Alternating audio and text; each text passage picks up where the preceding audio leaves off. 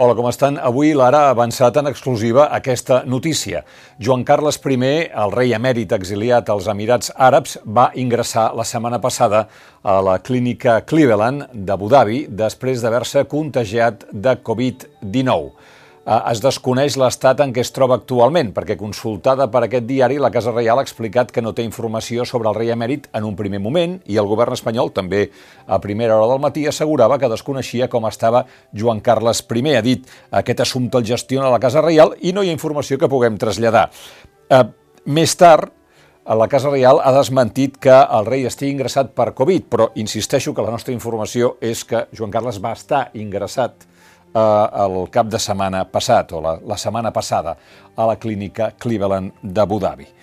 Si totes les institucions eh, tenen un problema en aquesta època en què la velocitat digital fa que les informacions es filtrin i corrin més fàcilment que mai, i si en aquesta època les institucions també tenen un problema perquè hi ha més demanda de transparència que mai per part de la societat, la monarquia espanyola té aquest problema corregit i augmentat ja s'ha vist en el cas de Joan Carles, no ara, no, de fa mesos. Recordaran Pedro Sánchez, quan Joan Carles va marxar a l'agost i no se sabia on era, eh, Pedro Sánchez va sortir dient que el govern espanyol, un govern sorgit d'un Parlament escollit democràticament, no sabia on parava el rei i es quedava tan tranquil, almenys oficialment. Ara no sabem exactament com està ni què té, però aquesta és la punta de l'iceberg d'una situació que fa dècades que s'arrossega. És a dir, a Espanya la irresponsabilitat legal del rei s'acaben convertint en impunitat. Les comissions del rei pels negocis de les empreses espanyoles a l'estranger ho demostren. Els seus problemes amb Hisenda, amb la justícia suïssa, ho demostren.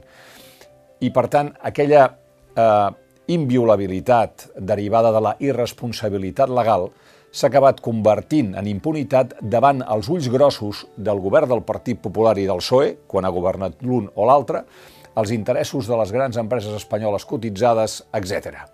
Perquè Joan Carles era el símbol al voltant del qual encara podrien trobar-se socialistes i populars, els vells comunistes del Partit Comunista d'Espanya, fins i tot els nacionalistes catalans de Convergència i Unió o els catalanistes del PSC i, més modernament, Ciutadans i Vox. Sobretot Vox. Ara, el mite de Joan Carles, però, s'ha desfet taca la pàgina de la transició, la qual cosa complica molt el relat de quina mena d'Espanya s'ha estat construint en les últimes quatre dècades i complica el present de la corona.